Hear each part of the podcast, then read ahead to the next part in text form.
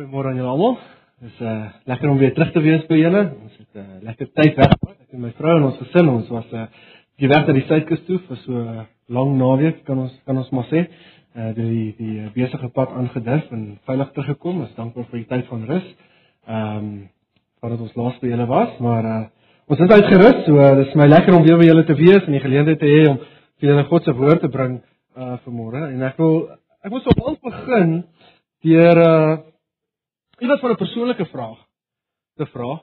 Ehm uh, nou julle hoef nie hardop te antwoord nie, julle kan maar net uh, vir julleself uh in julle eie harte uh daar mooi daaroor dink. Die die vraag is ehm um, in julle eie opinie wat wat wil jy sê is is is fout met jou lewe? Wat is daar wat jy graag anders sou wil hê? As jy as jy nou maar byvoorbeeld terugdink aan aan die jaar wat wat verby is en jy dink aan aan die jaar wat wat kom en jy dink dat hierdie spesifieke dinge wat in 2011 met my gebeur het of waarna ek nog steeds is, sal ek graag anders wil hê in 2012. Nou ek weet dat die versoeking dalk vir sommiges van ons mag wees om om op so 'n vraag te antwoord. Hoeveel tyd het jy tot jou beskikking? Want uh, as as ek eers bietjie mooi daaroor begin dink dan dan kan daardie lysie nogal nogal redelik lank word. Ander van ons is dalk meer beskeie, meer teruggetrokke en kan dalk op hierdie oomblik net aan so een of twee klein dingetjies dink wat nie lekker pleis is nie, nie lekker in plek is nie. Nou, ek wil verseker dat ek geen profeet is nie en daarom gaan ek nie vanmôre hierso staan en en voorgee asof ek weet wat presies daardie dinge in in jou lewe is nie, maar die een ding wat ek wel weet is dat daardie dinge bestaan dat dit wel in jou lewe is. Of dit nou te doen het met om 'n paar voorbeelde te noem, jou finansiële omstandighede, jou fisiese voorkoms, jou werk of of loopbaan of miskien jou werkloosheid, miskien dit doen met jou persoonlikheid waarmee jy nie so tevrede is nie. Uh, miskien is dit selfs jou tekort aan 'n spesifieke gawe of 'n spesifieke vermoë wat jy graag sou wou gehad het. Moontlik is dit jou gesondheid wat nie lekker in plek voel op hierdie stadium. Wat ook al dit mag wees, hierdie dinge is is nie aangenaam nie, is dit. Dit is heel dikwels nie maklike omstandighede nie. En ek wil dit sommer onmiddellik duidelik maak aan die begin van van hierdie boodskap dat ek dit geensins wil afmaak as sommer net iets waaroor ons moet kom nie. Maar wat ek wel wil doen is om aan julle voor te stel dat dit gewoonlik nie die omstandighede van ons lewens of die onwelkome realiteite in op sigself is wat die uiteindelike probleem is. Nee, dit is liewers ons siening omtrent hierdie omstandighede en onwelkome realiteite waar die eintlike probleem lê sien ons almal is geneig om so maklik in die lokval te val om as om te glo dat toeval op een of ander manier 'n rol in ons lewens speel. En wat dit doen is om ons in 'n warboel te plaas aangaande ons omstandighede. Ons kies om te glo dat dinge sommer per toeval op 'n sogenaamde ongelukkige manier met ons gebeur en in Engels skryf dit dalk 'n bietjie beter die sogenaamde bad luck wat ons getref het. Die die noodlot wat ons ingehaal het. Die noodlot waar niks en niemand enige beheer het nie. Dis die noodlot se skuld dat ons in hierdie omstandighede gedompel is. En wanneer ons so begin redeneer, behoort dit ons vreeslik sinewiagtig te maak. Want wanneer ons dit doen, is ons besig om 'n kardinale doktrinale waarheid te ontken. En dit is wat ons noem die voorsienigheid van God en in Engels is dit the providence of God. Nou met die onbekende vooruitsigte van 'n nuwe jaar voor ons sien dit as heel gepas om ons tyd vanmôre saam te spandeer deur deur deeglik en goed na te dink oor hierdie wonderlike waarheid aangaande God. Want sien, sonder dit as as ons as ons dit nie reg verstaan nie, As ons as mens hierdie hierdie waarheid bly miskyk in ons in ons lewens en en selfs die gevaar loop om om so ver te gaan as om dit om ontsetlik te ontken, dan is ek oortuig daarvan dat op een of ander stadium dit ons van ons verstand af sal dryf. En dit ons uh, in 'n emosionele wragte sal verander en dat dit ons self so ver sal vat om die gevaar te loop om geestelike wragte te word. Dis hoe ernstig hierdie hierdie saak is. Nou, wat dit presies beteken, die versoenigheid van God dan. Dis eenvoudig die volgende om 'n kort teologiese definisie te gee daarvan. God is voortdurend betrokke in alles wat hy geskaap het. Tot so 'n mate dat hy operatief in alles is wat in hierdie wêreld gebeur en dat hy alles na sy vasgestelde doel toe dryf. Wat beteken dit prakties vir ons lewens? Die, die volgende dat jy en ek en alles en almal anders rondom ons totaal en al onder God se beheer is. Regdeur tot die kleinste fynste aspek van ons lewe. Alles word deur God bepaal. En hy doen dit alles omdat hy besig is om sy glorieryke plan in vervulling te bring. Om dit nog meer eenvoudig as dit te tel, kan ons bloot sê dat die voorsienigheid van God beteken dat jy en ek presies is waar God wil hê ons moet wees. En die omstandighede van ons lewens is presies soos God wil hê dit moet wees. Dis nie buite sy beheer nie. Want sien ons God is nie een wat wat terugsit en dinge maar net oorlaat aan toeval. Nee, liewe vriende, God het nog altyd en is ten alle tye besig en sal vir die res van jou dae al die besonderhede van jou lewe beheer deur sy soewereine voorsienigheid. Dis 'n ongelooflike konsep, 'n ongelooflike waarheid. En en ek hoop dat julle saam met my hierdie saal vanmôre sal verlaat as as waarlike bemoedigde mense want dis werklik die doel, dis dis waarheen ek gaan met met hierdie boodskap dat dat ons bemoedig sal word vir die omstandighede, die onvoorsiene omstandighede wat ons nie weet wat in die toekoms vir ons mag voorlê nie, dat ons nou reeds bemoedig sal wees. Gereed sal wees daarvoor dis dis waarheen ons gaan. En ons gaan dit doen deur deur te kyk na vyf essensiële woordgefondeerde waarhede aangaande die versoenigheid van God. As jy 'n potlood en 'n en 'n pen eh, of 'n pen en 'n papier by jou het, is, is dit wat jy wil neerskryf. Dit is wat jy uit uit uit hierdie boodskap uit wil kry. Hierdie vyf essensiële woordgefondeerde waarhede aangaande die versoenigheid van God. Eerstens. God se versoenigheid heers oor die skepping. Dit dit eers oor die skepping. Dis die eerste woord gefondeerde waarheid. God is die een wat wat eh, die skepping wat hy in bestaan gebring het ten alle tye onderhou. En en en en wat dit beteken is is dat niks in hierdie skepping kan bly voortbestaan sonder dat God in sy versoenigheid dit onderhou nie.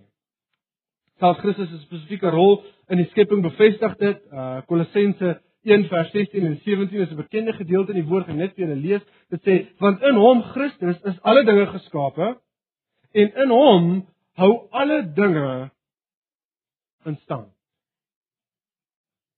Met ander woorde, elke fynste molekule bestaan en bly funksioneer op die manier waarop dit doen bloot as gevolg van God se voorsienigheid. Sonder sy voorsienigheid kan dit nie wees nie, kan dit nie bly bestaan nie en kan dit nie doen wat dit besig is om te doen nie. Wat dit beteken is dat oral waar ons kyk, oral waar in ons oë kan kan gaan, sien ons die bevestiging van God se voorsienigheid. Dis hoekom ons eintlik verbaas behoort te wees dat ons so geneig is om gedurig die voorsienigheid van God in ons lewens te ontken, want want die bewyse daarvan is die heeltyd rondom ons. Elke liewe boom waar jy verbystap, elke liewe insek wat jy aanskou, elke wolk in die lug, elke reënby, elke weerligstraal, elke polletjie gras, elke golf van die see, dis dis oral om ons. God is in beheer en alles is presies soos wat dit moet wees.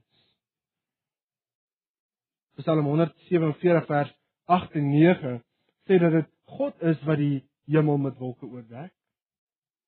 Dat dit God is wat die aarde vir die aarde reën berei. Dat dit God is wat op die berge gras laat uitspruit en dat dit God is wat vir die vee hulle voedsel gee. Jy sien hierdie dinge wat ons in die natuur sien gebeur, is nie bloot toeval. Dit is nie bloot die noodlot nie. God is die een wat dit in alle tye beheer. En dit is werklik 'n ongelooflike konsep as jy as jy daar begin dink, die die wonder van alles van van hierdie natuur wat wat God geskaap het en wat hy onderhou in sy voorsienigheid. Net een voorbeeld wat my die afgelope tyd verstom is daardie dink maar aan daardie Harida wat in die oggend op op jou grasperk loop en en daardie snavel van hom in in die grond indruk. En wanneer hy dit doen, vind hy iets om te eet, 'n wurmpie of 'n of 'n insek. En en dit is nie bloot toeval, dis nie die Harry daar wat loop en maar sy snavel oral indruk en om iets te ontvang nie. God het vir hom al die sintuie gegee wat hy het sodat hy gaan op die regte plekke, plekke sy snavel gaan indruk en God het daar 'n wurmpie of 'n insek geplaas om as voedsel te dien vir hierdie Harry daar. En wat in ons ons sien daar die daar daar op ons gras en ons dink Hy het seker weer ons te bemors. Die wonder van God is reg voor ons ten alle tye en ons kry dit reg om dit te mis. Dis waarom die psalmdigter ons aanmoedig om te sien wat hy sien. Psalm 19 vers 2 is 'n bekende gedeelte. Die hemele vertel die eer van God en die uitspansel verkondig die werk van sy hande. Geen deel van die skepping is selfonderhoudend nie. Dink maar aan die aan die ingewikkeldheid van hierdie skepping waar waaronder ons ons ons lewe, die die intelligentste professors op aarde kan dit nie uitwerk. Hulle word telke male stom gestaan en gelaat om maar net hulle koppe te krap oor wat hulle vind. En te probeer om om uit te werk hoe alles werk. Wat nog te sê van om dit te maak werk en dit in plek te hou. Maar God doen dit sonder enige moeite. Sonder enige tekortkoming van kennis of enige vermoëns. Sy voorsienigheid kan duidelik in sy skepping gesien word en en en hy wys dit vir ons in die natuur vir 'n rede. Sodat ons dit ook kan glo vir ons lewe. Dit dis die dis die tweede punt. God se voorsienigheid heers oor die mens. Eers nie net oor die skepping en natuur nie, dit heers ook oor die mens. Ek vra julle om die Bybels oopmaak in Matteus se evangelie, dis kwartets gedeeltes waarna ons wil kyk uh onder hierdie punt Matteus se evangelie. God se voorsienigheid heers oor die mens. Dit dit dit geld vir vir alle mense. Wie dit ook al mag wees, die, die regverdige en die onregverdige, die die swart persoon of die die wit persoon of die indier, die Afrikaanse persoon of die Spaanse persoon, die roemryke persoon of die onbekende persoon, die ryk persoon of die arme persoon, wie dit ook al mag wees. Kyk kyk wat sê Matteus hoofstuk 5 vers 45.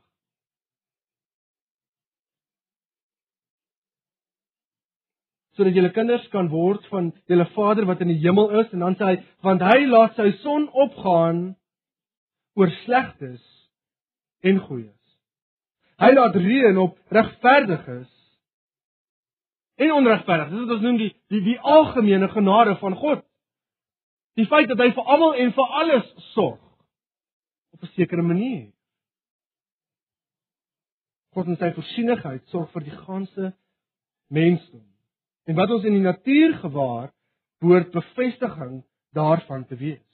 Uh, Jesus self het het, het hierdie tipe van benadering gevolg toe toe sy disippels wat wat terloops alles opgegee het om hom te volg, hul hul hul besighede, hul hul loopbane, hul beroepe, hul hul uh uh finansiële omstandighede, hul hul families wat hul wat hul bron van ondersteuning was, toe hulle dit alles opgegee het en saam met Jesus begin wandel het, het hulle begin bekommerd raak oor hulle omstandighede en die basiese benodigdhede van hulle lewens. En en Jesus sê toe die volgende aan hulle in Matteus hoofstuk 6, blaai in jou Bybel, daar in Matteus hoofstuk 6 vers 26.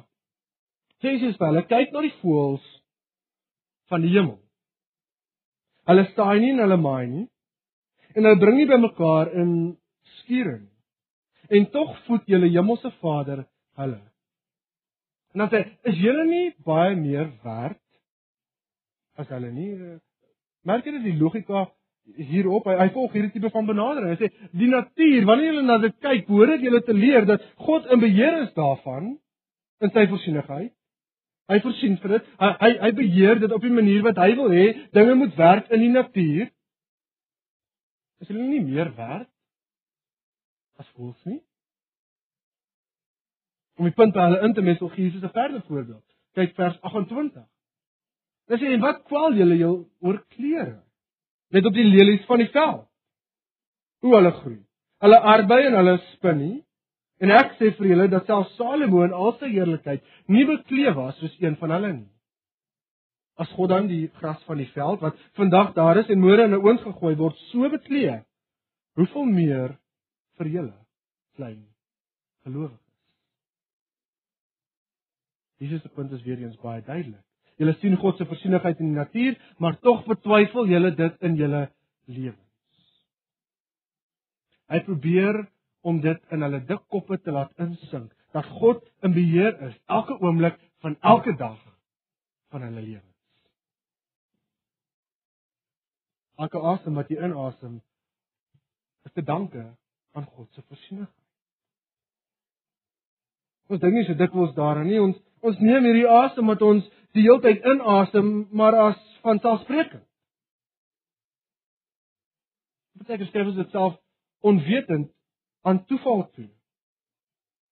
Sodoende maak ons die noodlot ons ons God in steede daarvan om die blote feit van lewe self aan God te skryf.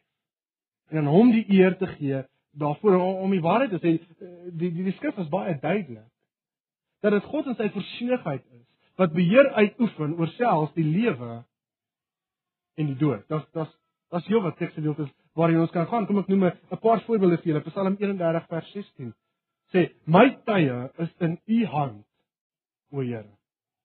God beheer dit. Psalm 139 vers 16 sê: "U oë het my ongevormde klomp gesien en in U boek is almal opgeskrywe dae wat al reeds bepaal was." Dis vas. Dit dit is gefestig. Handelinge 17:26 sê en hy het uit een bloed al die nasies van die mensdom gemaak om oor die hele aarde te woon terwyl hy vooraf bepaalde tye en grense van hulle woonplek vasgestel het. Dis nie geliefde dat dat geen twyfel hoe hoe, hoe genaamd nie. Jy sal nie vir een oomblik langer lewe as wat God bepaal het nie. En jy sal nie een oomblik vroeër sterf as wat God alreeds bepaal het. Dis wat Jesus vir sy disippels probeer sê. Matteus 6 vers 27 maak hy sy punt. Hy sê daar wie van julle, wie tog van julle kan deur te kwel een el by sy lente voeg? Hulle kan dit nie verander nie. Dis eintlik 'n retoriese vraag met 'n met 'n vooraanliggende antwoord. En Jesus maak sy hele punt daarmee. Hy sê julle kan niks verander nie. God is in beheer. Hy is in beheer van elke liewe dag wat jy gegun het. Geld vir alles anders in jou lewe wat moontlik in jou ook kan fout gaan. Jesus, ons moet ophou om op te tree asof God in sy voorsiening nie in beheer is van dinge nie. Want Jesus sê ons kan niks verander met angs en frustrasie en irritasie en woede of op watter ander manier ook al ons geneig is om op te tree nie. En hier lê eintlik baie bemoediging vir ons. Want dit sê vir ons dat dat niks met ons kan gebeur buite God se heersende hand nie. Niemand kan een vinger lig teen ons buite dat God in beheer is daarvan. Dat sien God ken jou ten volle. Hy weet alles van jou lewe. En wanneer ek sê alles, is ek is ek nie besig om om te oordryf nie.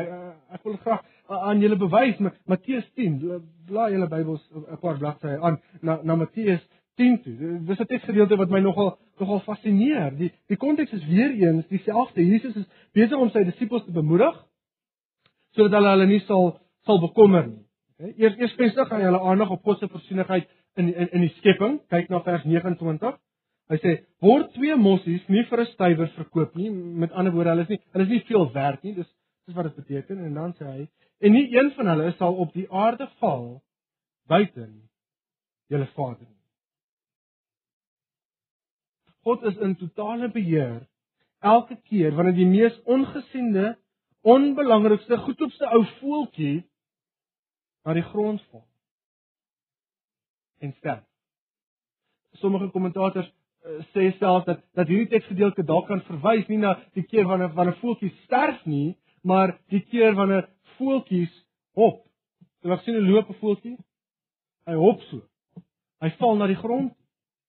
Met ander woorde, God is die een wat in beheer is van elke liewe tree wat 'n voeltjie gee.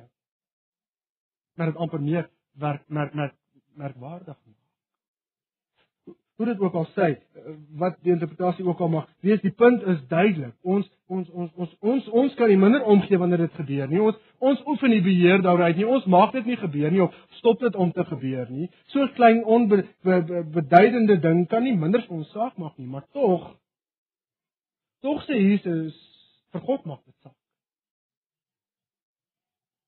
God is in beheer daarvan. Dit kan nie gebeur sonder julle Vader nie. Hy beheer hierdie fynere besonderhede. Dit gebeur seker duisend, nie meer, maar op 'n dag nie en meestal let niemand eers op dat dit gebeur nie. Tog is God die een wat daarna toe sien. En dan sê Jesus in vers 30: En van julle is selfs die hare van die hoof almal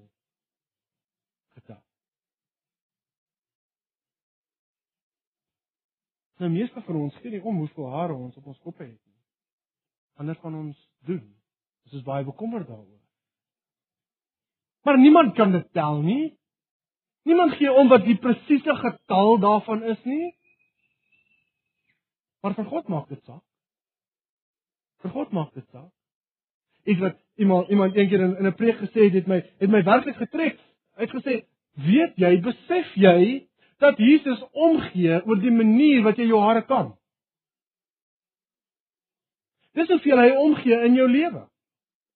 Dis hoeveel dit vir hom saak maak. God gee om hoeveel hare jy op jou kop het, want hy het dit vasgestel. Hy het dit bepaal. Jy sien selfs hierdie mees onbeduidende besonderhede van ons lewens is in God se beheer. Tot so 'n mate dat hy besluit hoeveel hare ons op ons kop het.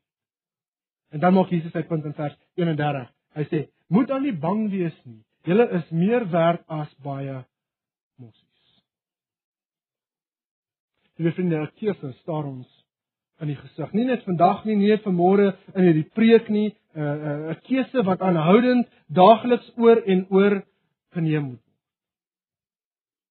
Want dis elke elke dag bring bring nuwe uitdagings. Dit verstaan ek maar al te goed. Maar ons moet bly veg en kies om te glo. Want dis die keuse wat ons in die gesig staar. Geloof of ongeloof. Om te glo dat alles in my lewe, my voorkoms, my persoonlikheid, my vermoëns, my populariteit, my bankbalans, my loopbaan, alles is ten volle in beheer van God se voorsiening. Ek is presies waar God wil hê ek moet wees. Ek gestel my vrou het 'n vriendin in in Polokwane, Pietersburg waar waar ek studeer het. Ek het haar daar ont, ont, ontmoet ehm um, en en sy is uh cerebraal gestremd. Ehm um, sy is in die gemeente daar in Christ Baptist Church en benewens haar fisiese gebrek het sy ook 'n noemenswaardige spraakgebrek. En ehm um, eendag na 'n getuienis van haar in die diens uh was almal baie emosioneel. Um, sy uh het 'n getuienis gelewer. Uh, sy het 'n wonderlike getuienis, sy is 'n wonderlike volgeling van van Jesus. Um en almal was baie emosioneel want dit dit was moeilik vir hom om daardie getuienis te lewe met met die spraakgebrek en en haar fisiese gebrek ook. Uh daarmee saam. Nou die volgende dag in die in die klaskamer, um maak een van ons dosente toe 'n opmerking wat my werklik wat my werklik geruk het en, en my oë oopgemaak het om om om die voorsienigheid van God beter te verstaan. Hy hy het die volgende uitgewys. Hy het gesê dat alhoewel ons emosioneel raak oor Debbie se kondisie, dis haar naam Debbie se kondisie, moet ons onthou dat Debbie presies lyk en funksioneer en praat soos wat God wil hê sy moet. Dit verander ons siening 'n bietjie oor dinge, doen dit nie? Want kyk maar na jou eie lewe. Alles is presies soos God wil hê dit moet wees. Nou mag jy dalk vra, wel, indien dit die geval is,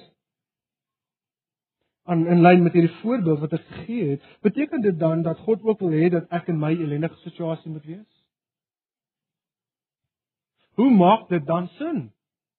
As jy sê ek is presies waar ek moet wees en ek is in 'n ellendige situasie, beteken dit dan dat God wil hê ek in daardie situasie moet wees?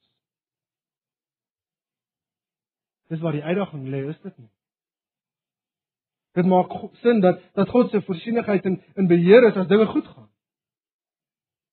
As dinge is soos wat ons wil hê dit moet wees, daarmee sukkel ons nie so seer nie, maar wanneer dit ongewenste dinge is, dis heeltemal 'n ander storie. Dan dan sukkel ons om te aanvaar dat God steeds in beheer is en dat dinge is soos wat hy wil hê dit moet wees.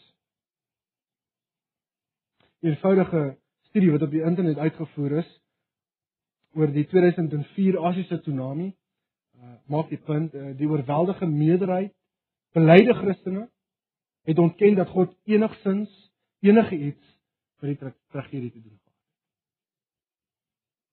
Dit is nou maar hoe ons wil reageer, is dit nie? Kan dit werklik waar wees dat dit God se voorsienigheid of dat God se voorsienigheid uiteindelik agter my nare omstandighede staan? Moenie my woord daarvoor neem nie. Kom ons kyk wat die woord van God self daaroor te sê het. Oor God se voorsienigheid, oor rampe of teëspoed. Dis ons derde woord gefondeerde waarheid. God se voorsienigheid oor rampe of of teëspoed. Ongetwyfeld waar in natuurrampe, ons hoef nie baie ver in die Bybel aan te gaan om om om dit te sien nie. Dink maar aan die natuurramp in Noag se dae. Die grootste natuurramp wat wat hierdie wêreld, hierdie aarde nog nog ooit gesien het. Nog nooit was daar 'n natuurramp wat soveel verwoesting gesaai het soos die vloed nie. Wat die hele aarde en al sy inwoners, met die uitsluiting van die van die diere en en die agt persone in Noag se familie totaal en al uitgewis het. En dit is soos duidelik soos daglig in in, in daardie teksgedeelte. Dis nie net iets wat maar net gebeur het nie. God het voor dit gebeur het aan Noag baie duidelik gesê in Genesis 7 vers 4. God sê ek ek sal dit laat reën. Ek sal dit laat reën.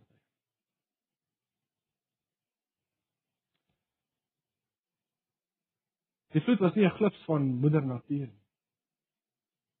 God het dit doelbewus gestuur. En ja, dit is baie duidelik in daardie geval as as as oordeel, maar maar dit is nie altyd duidelik dat rampe slegs met oordeel te maak het nie. Dit is bloot in God se soewereiniteit. Dink maar byvoorbeeld aan Job se ellende. Baie duidelik in sy verhaal is dit nie en in Job se eie woorde aan die begin sê hy in Job 1:21, die Here het gegee. Die Here het geneem na die dood van sy van sy kinders. Job 2 vers 10. Sê Die goeie sou ons van God aanneem en nie ook die slegte aanneem nie. Job het besef dat God soewerein en beheer is en dat teëspoed kom as gevolg van God se soewereiniteit. Geliefde, die voorspoed in jou lewe en die teëspoed is alles in God se voorsiening. Wat alle dinge laat werk om sy plan in vervulling te bring. Sien ons moet waag daarteer om om om op te tree soos die wêreld wanneer teëspoed ons on, ons tref. Om op te tree soos soos ongelowiges, asof God nie bestaan nie. Luister na die woorde van een so ongelowige. Hy sê weer eens in aanleiding met die Asiëse tsunami. God sê as daar 'n God is, behoort homself te skaam. Die dood, die verwoesting wat die Asiëse tsunami teweeggebring het, die enormiteit van die ellende en hartseer wat dit veroorsaak het, moet sekerlik die geloof van die standvastigste gelowige beproef. Hy sê ek is ek hoop ek is reg dat daar geen God is nie. Want as daar is, dan moet hy verantwoordelikheid aanvaar. En in my boek sou hy so skuldig so sonde self wees. En ek sou niks met hom te doen wou.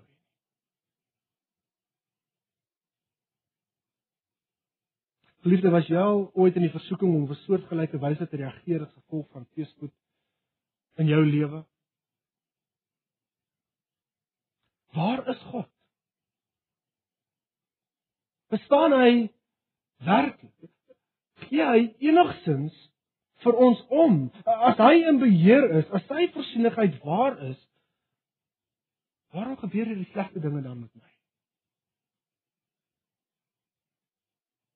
Kom ons wees nou maar eerlik met onsself. Hierdie tipe vrae is van tyd tot tyd in ons gedagtes.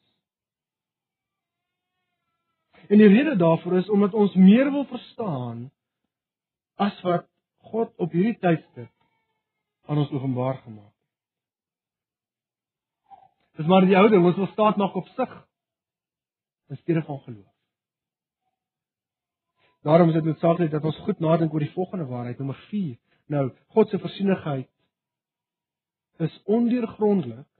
Met ander woorde, dit kan nie ten volle begryp word nie. Ons kan dit nie ten volle uh, verstaan nie. Dis ondeurgrondelik tog gerusstellend.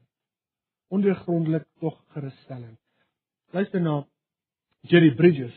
Uh wat hy oor te sê, dis dis ongelukkig in in Engels, ek gaan dit net vir lees. Hy sê if we are to experience peace in our souls in times of adversity, we must come to the place where we truly believe God's ways are simply beyond us and stop asking why or even trying to determine it ourselves. Now this might seem like an intellectual cop out, a refusal to deal with the really tough issues of life. But in fact, it's just the opposite. It is a surrender to the truth about God and our circumstances as it is revealed to us by God Himself in His inspired wat hy sê is dat ons kan nie die maniere van dinge doen van God ten volle begryp nie. En ons hoef ook nie. As God gekies het om dit nie aan ons openbaar te maak. Charles Spurgeon het gesê, "You want always to see through providence, do you not? You never will, I assure you, you have not eyes good enough."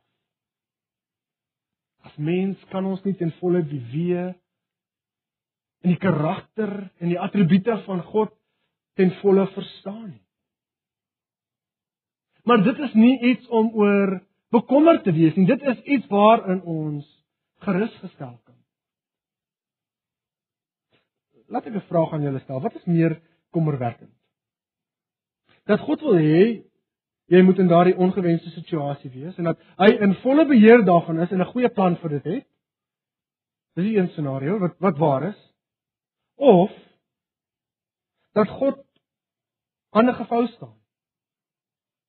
En maar net moet terugsit en kyk wat gaan gebeur en wat ook al gebeur is nuus vir hom en hy het geen manier gehad om te keer dat dit met jou gebeur nie. Die tweede opsie is baie meer kommerwekkend, is dit nie? Want dit sou beteken dat die noodlot God kan oorwin. En sien die noodlot het geen goeie plan waarom dinge gebeur nie. As noodlot waar was, gebeur dinge sommer net vir sommer. En dis nie gerusstellend nie. Maar met God se voorsienigheid en beheer van alles, is daar gerusstelling vir ons vir twee redes. Vir twee redes. Nommer 1. God beloof dat alles onder sy voorsienigheid altyd die doel het om hom te verheerlik.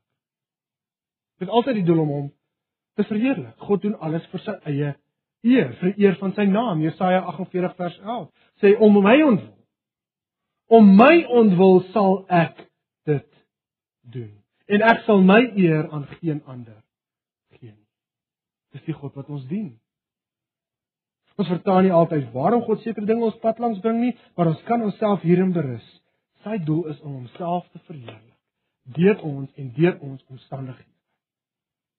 Dis waarom hy dinge in ons lewens doen. Maar daar's 'n tweede rede waarom God sy voorsienigheid sy voorsienigheid gerusstellend is, ten spyte daarvan dat ons dit nie ten volle kan verstaan in ons omstandighede nie. En dit is dat God beloof dat alles in sy voorsienigheid altyd ten goeie van sy geliefdes meewerk. Julle weet dit baie goed, Romeine 8:28 sê dit in soveel woorde, doen dit nie? En ons weet dat vir hulle wat God liefhet, alles ten goeie meewerk vir hulle wat na sy voorneme geroep is. Geliefdes, God oorheers elke bietjie teespoed en elke bose intensie om dit ten goeie te laat meewerk vir sy geliefdes. En en hy bewys dit natuurlik oor en oor in in sy woord. Uh dink maar aan die verhaal van van Josef, weer eens baie bekend, Genesis 20 uh, 50 vers vers 20 sê Josef aan sy broers wat want julle het wel kwaad teen my bedink maar God het dit in goeie beskik soos dit vandag is om 'n groot volk in die lewe te hou. Sien dit alles het gebeur om ten goeie mee te werk vir sy geliefdes, vir sy volk. Al die kwaad wat sy broers aan hom gedoen het. Paulus verwys hierna aan sy eie swaarkry as 'n gevangene uh, van die evangelie. Hy sê hy sê in Filippense 1 vers 12. Want ek wil hê dat julle moet weet broeders, dat wat my wedervaar het, eerder op bevordering van die evangelie uitgeloop. Alhoewel Paulus swaar gekry het en in die tronk gestop is, sê hy dit was 'n goeie ding, dit het in goeie meegewerk want die evangelie het vorentoe gegaan en meer as gered. God se geliefdes het voordeel daaruit getrek. Uit my ellende, uit my swaar kry, dis dis wat hy sê. God het gedoen wat hy beloof om te doen. Daar is 'n doel agter waarom hy in ons in daardie situasie plaas. Verstaan ons altyd presies wat daardie doel is? sien ons altyd wat daardie doel is? Nee.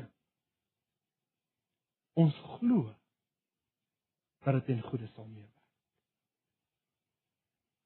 Spurgeon het ook gesê, "You want to see what good that affliction was to you? You want to see what good that affliction was to you? You must believe it.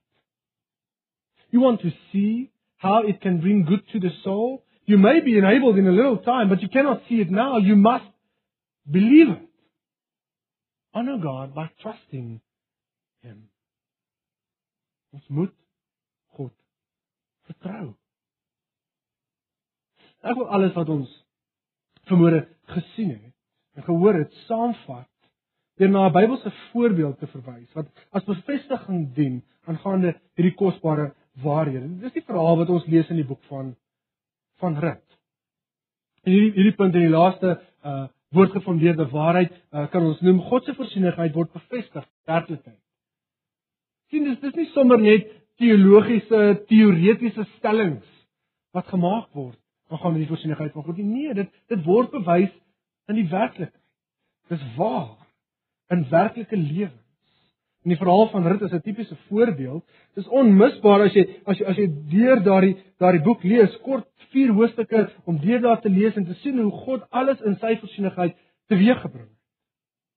Dink maar aan die aanvanklike hongersnood in die in die beloofde land en hoe dit Naomi en haar man en haar twee seuns forceer het om uit te trek na na Moab toe. En en hoe dit daar was in God se voorsienigheid dat haar man en beide haar seuns tot sterwe kom. Want dit ons nie geleer dat God die een is wat beheer het oor lewe en dood nie. Dit is nie geleer dat God die een is wat beheer het oor die natuur en of daar hongersnood en of daar oorvloed is nie. God het dit alles bewerkstellig en hulle op hulle pad geneem. Hulle in die rigting ingestuur wat hy wou hê hulle moet hulle moet gaan. Die feit dat hulle terug is na hulle na Naomi se se se se eie land en na haar eie mense en na haar eie na haar eie God toe is, was nie toeval nie, dit was God wat dit bewerkstellig. Dit die feit dat Rut geloop het en toevallig die die die die die, die skrywer van die boek van Rut sê dit half sarkasties, dat hy toevallig op op Boas se se se se se se lande uh op opgeëindig het. Dit was nie toevallig nie. God het dit bewerkstellig. Die hele die hele boek bewys dit. Dat Rut guns in in Boas se oë gevind het en en dat God daardeur van Naomi en en vir Rut voorsien het en en verder dat dat Rut by Boas uitgebring is sodat hy as naasbestaande die familie uit hulle verknorsting uit kon red. Niks van dit was toeval nie. Die man, die mens maak sy planne, maar God is die een wat die antwoord van die tong gee. Dis nie wat Spreuke ons leer nie. God is die een wat die wat die mense se se se wandel bepaal. Ons kan baie planne maak, maar uiteindelik bepaal God waarheen ons voete loop. Dit is wat ons sien in die boek van Rut. Selfs die feit dat dit nie moontlik was vir 'n ander een wat wat nader familie was van van Naomi om om met Rut te trou nie, sy omstandighede wat dit vir hom onmoontlik gemaak het om met Rut te trou, was in God se hand. Hy het daarna toe gesien dat daardie persoon in daardie omstandighede was sodat Boas met Rut kon trou. En daardeur alles het God 'n wonderlike doel gehad om 'n nageslag te bewerkstellig wat die weg sou baan vir Jesus self. Wat sou kom in die koninklike lyn van Dawid, geslag van Dawid. Dis waarom die boek eindig. Onthou jy die boek van Rut eindig op 'n snaakse manier met 'n stamboom wat opeindig met Dawid se geboorte wat aanvanklik gelyk het soos 'n groot gemors van Naomi. En met die afloop van baie tragedie en teëspoed het op die einde alles ten goeie meegewerk vir God se geliefdes. Vir sy volk en vir vir my en vir vir jou want want ons ontvang die guns van Jesus wat gekom het in die lyn van Dawid. vir sy volk Israel en vir die heerlikheid van sy eie naam. Sou ongelukkig nie daarin gaan nie, maar ek wil julle aanmoedig om weer daardie verhaal van Rut te gaan lees met met hierdie konsep van God se voorsienigheid en in gedagte en julle sal dalk iets sien in in in daardie boek wat julle moontlik nog nie van tevore gesien het nie. Soos een skrywer dit dit opsom, wat 'n wonderlike einde vir so 'n ellendige begin. En dit alles is gevolg van God se voorsienigheid. Deur die goeie en die slegte. Sien die noodlot sou dit nooit kon doen nie. Nou moet ons die vraag vra het Naomi en Rut presies verstaan waarmee God besig was? Terwyl hulle in hulle ellende bevind het, verseker nie. Wat het Naomi gesê? Sy het gesê, eh, "Noem my nie meer Naomi nie, maar Mara." Want bitter met bitterheid het die Here met my gedien. Hè? Sy het nie verstaan wat wat wat aangaan nie. Dit was 'n moeilike situasie vir haar dat 'n man en al twee haar seuns oor oorleef het. Maar tog sien ons wat nou terugkyk na daardie verhaal wat God daardeur vermag het. En dis gerusstellend want hy doen dieselfde in jou lewe en in my lewe. Al lyk dinge of daar geen hoop is nie, geliefdes. God se voorsienigheid is in beheer. En hy sal dit ten goeie laat meewerk vir sy eer. Ons kan hom vertrou. As jy nog meer gerusstellend as jy wat ons sien in Rutte verhaal is die gerigstelling van die kruis. En dit is 'n gepaste manier vir ons om om af te sluit want sien nêrens anders kan die voorsienigheid van God meer sin maak en beter verstaan word as in die kruis. Waarom sê ek dit?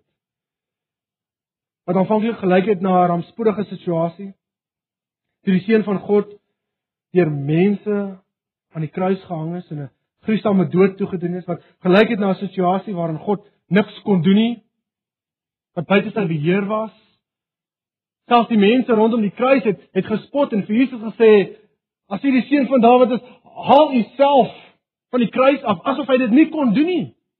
Asof dit nie moontlik vir hom was nie, asof dit buite sy beheer was as God. Wat gelyk het na ellende buite God se beheer, het in God se voorsienigheid en goeie meegewerk vir almal wat gered sou word deur die bloed van die seun. Verlossing en vergifnis van sonde is daardeur moontlik gemaak vir my en vir jou sodat God ons in ons redding verheerlik kan word.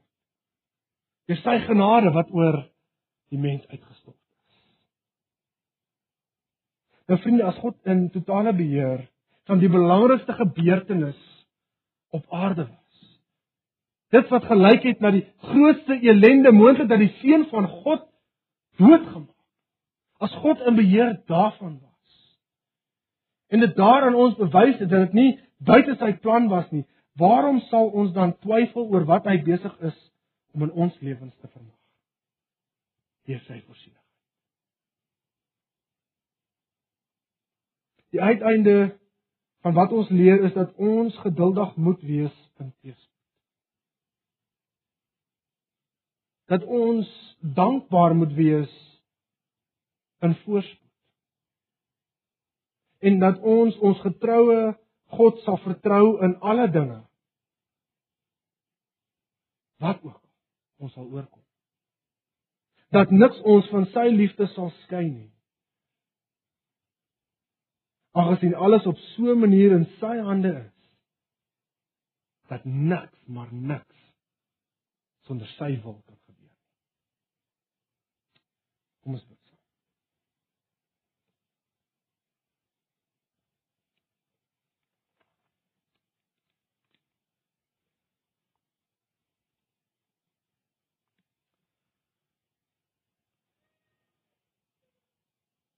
Vader, U ken ons.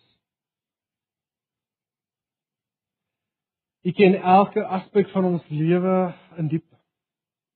U weet wie ons is. Ons ons sit langs mekaar en ons weet 'n bietjie van mekaar af, maar ons ken mekaar nie ten volle nie. Ons weet nie presies wat die persoon langs ons besig is om deur te gaan nie. Ons weet nie presies wat sy omstandighede is nie. Maar Here, U weet. U ken my en U ken die persoon langs en u stel ons gerus dat u in beheer is. Ons weet nie waarom sekere dinge gebeur nie. Ons ons ons sien nie presies die doel wat u daarmee het nie, Here, maar ons kan glo dat u dit in goeie laat meewerk. Ons dankie ons Vader dat ons dit meer as enige plek anders in die kruis kan waarneem dat niks ooit buite u beheer is nie. En dat deur daardie kruis u goed gebring het aan u kinders deur verlossing te bring aan ons wat sondig is en nie waardig is eers van die asem wat ons inasem. Here, u gee vir ons baie meer as wat ons verdien. Help ons om u te vertrou wanneer dit ook nie goed gaan om te weet dat dit altyd eintlik beter gaan met ons as wat ons verdien. Dankie Here vir die bemoediging wat U vir ons bring deur die woord en ons bid Here dat dit nie 'n dag sal hou of 'n week sal hou of 'n maand nie, maar dit dit Here ons sal hou deur hierdie jaar en deur die jare wat moontlik vir ons mag voor. Dat hierdie waarheid na in die hart bly dit in die naam van die Seun Jesus Christus. Amen.